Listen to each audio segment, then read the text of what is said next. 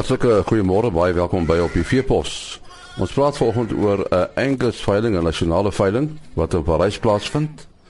En dan hoor ons van Andy Henson, Dr. Andy Henson, oor hoe vee moet hanteer word as 'n mens beeste op en aflaai, veral by voerkralle. Ons is selfs nou met 'n Piet Delport raadslid van die Angus Beestelersgenootskap. Uh, hulle het volgende maand 'n veiling. Wanneer is hierdie veiling, uh, Piet? Uh hierdie die veiling is die 5de Augustus om 11:00 uh in die Dome by Parys. Is dit 'n nasionale veiling?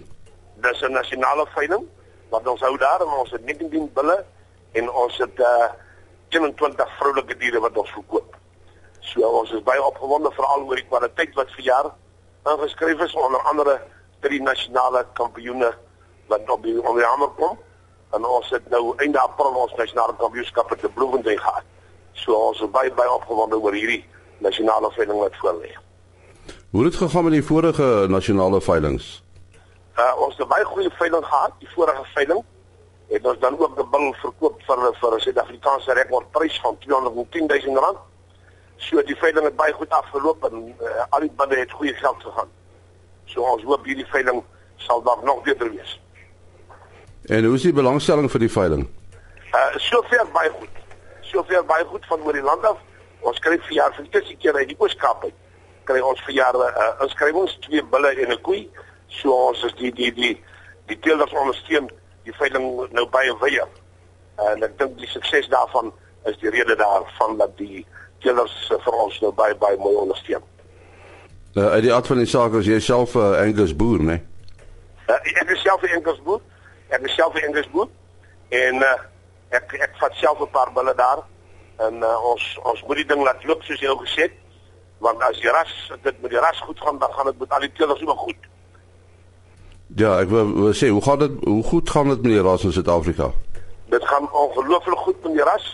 Ons sit hier met 'n uh, 10 na 12% uh lede uitbreiding elke jaar waaroor ons baie baie opgewonde is. Jy weet die Engels is die enkel die grootste enkel ras ter wêreld daar is basies nie 'n land in die wêreld wat nie Engels geteel word nie. En dis by uitstek 'n vleisbees, né? Dis dit is by uitstek 'n vleisbees en wat baie baie interessant is, jy kry in plekke in Amerika, Kanada waar die meeste van jou restaurante certified Angus beef verkoop van burgers tot steak, jy weet. En dit is die enigste vleisras wat nooit geteel was om 'n wa of 'n ploeg te trek want soos jy self weer die skorte het hierdie groot pleisdeel perde en hulle die trekwerk met die met die groot perde gedoen en die enges geteel vir vleisproduksie. So dit is uniek ook van die ras is dat hy is nooit geteel vir vir 'n trekdier nie. So hy kom uit Skotland uit. Hy kom uit Skotland uit.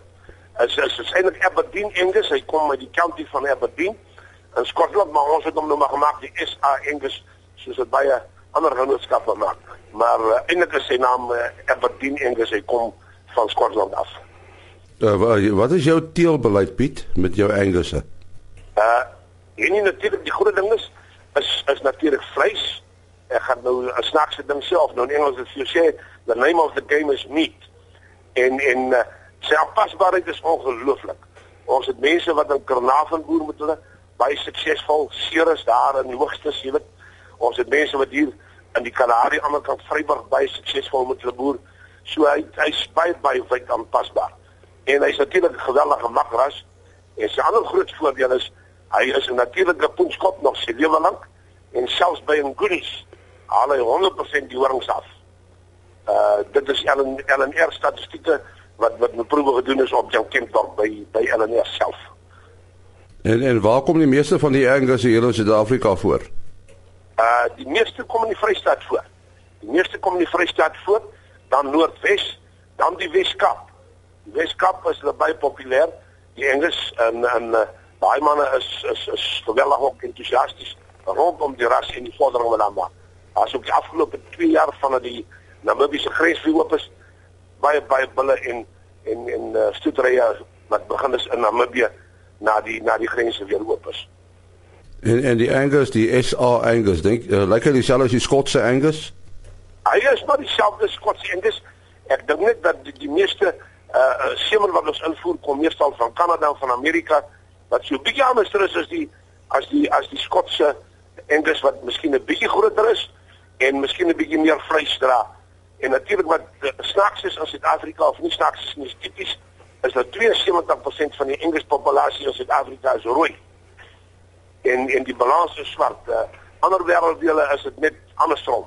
Maar nou tradisioneel uh, die die Suid-Afrikaanse boer, hy hou maar van 'n rooi vleisbees. Goed, Piet, net weer die datum van daardie veiling en miskien 'n telefoonnommer. Uh die datum van daardie veiling is die 5 Augustus om 11:00 te uh, te Parys in die Afrikdome. En enige belangstelling is kan my kontak by 082 550 7847 in in die aard van die saak is Piet Laporte. Enige iemand is welkom om my te skakel selfs tot 11:00 in die aand, dit is maar ouetjie wat gaan laat slaap. So hulle is meer as welkom om met 'n kontak enige navraag my te rig. So gesels Piet Delport dan. Hy's 'n raadslid van die Angus Beestelers Genootskap. Ons gesels met Dr Andy Henson van Supreme Livestock Services en ons moet praat oor die hantering van 'n uh, voerkraalbeeste. Is daar sekere riglyne uh, vir uh, byvoorbeeld die op en aflaai van voerkraalbeeste Andy? Ja, die die belangrikste is, is om om te kyk om stres te verminder. So enigiets waar ons die diere hanteer en veral omdat hulle in die voerkraal inkom en en die stres 'n belangrike ding is vir ons om te hanteer. Ehm um, probeer ons sekere riglyne vir die kliënte te gee om diere met 'n lae stres impak te hanteer. Groot dinge daarvan is natuurlik waar jy die beeste bymekaar maak om die beeste te laai op vragmotors wat na die voerstalle toe kom, daar begin dit reeds. So die hele bymekaar maak en die oplaai van daai beeste moet op 'n lae stres manier gebeur. Die vervoer van daai beeste, ehm um, kan jy natuurlik die stres ook verhoog of verlaag obviously wil ons die stres verminder en dan natuurlik die aflaai en dan die in aanhalingstekens verwelkoming van daai beeste in die kraal kan op sekere riglyne gedoen word. Basies kan ek dit vir jou opsom die die die grootste en in die neete top is dit ons wil ons wil nie wat die Engelsman sê um fear and force gebruik nie maar ons wil eerder die posisionering en druk gebruik. Fear and force is waar jy produkte gebruik ek um groot geleide maak skree selfs toue om beeste se nekke maak met bakkies op um vragmotors trek al daai tipe goed is is is 'n baie groot nee. Jy wil eerder is um net in die dier se vlugsone inbeweeg dat hy van jou af weg beweeg en op die manier op die um vragmotor klim.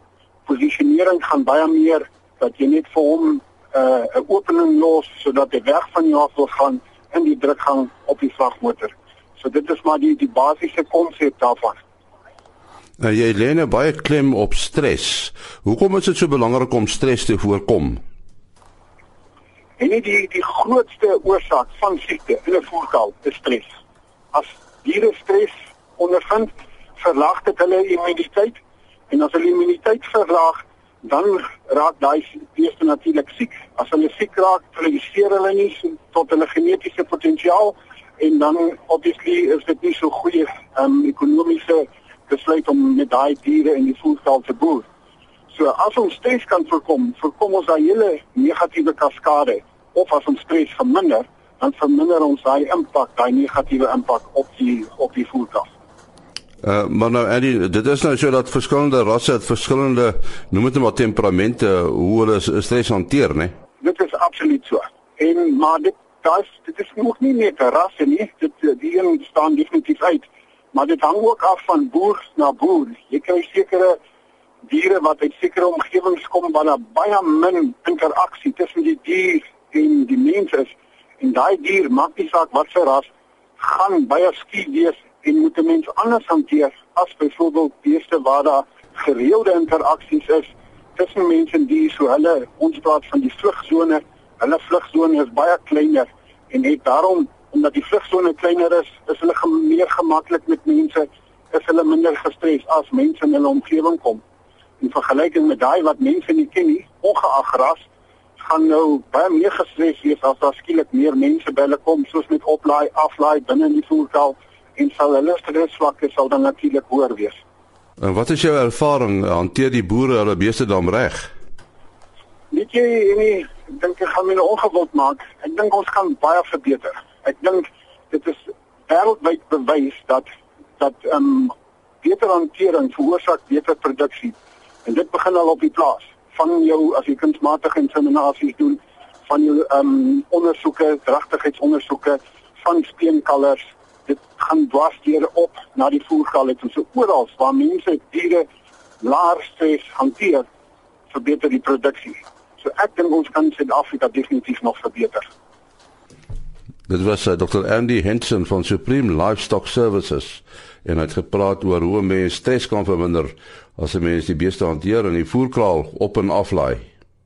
daarmee ook die einde van ons program tot die volgende keer. Mooi loop.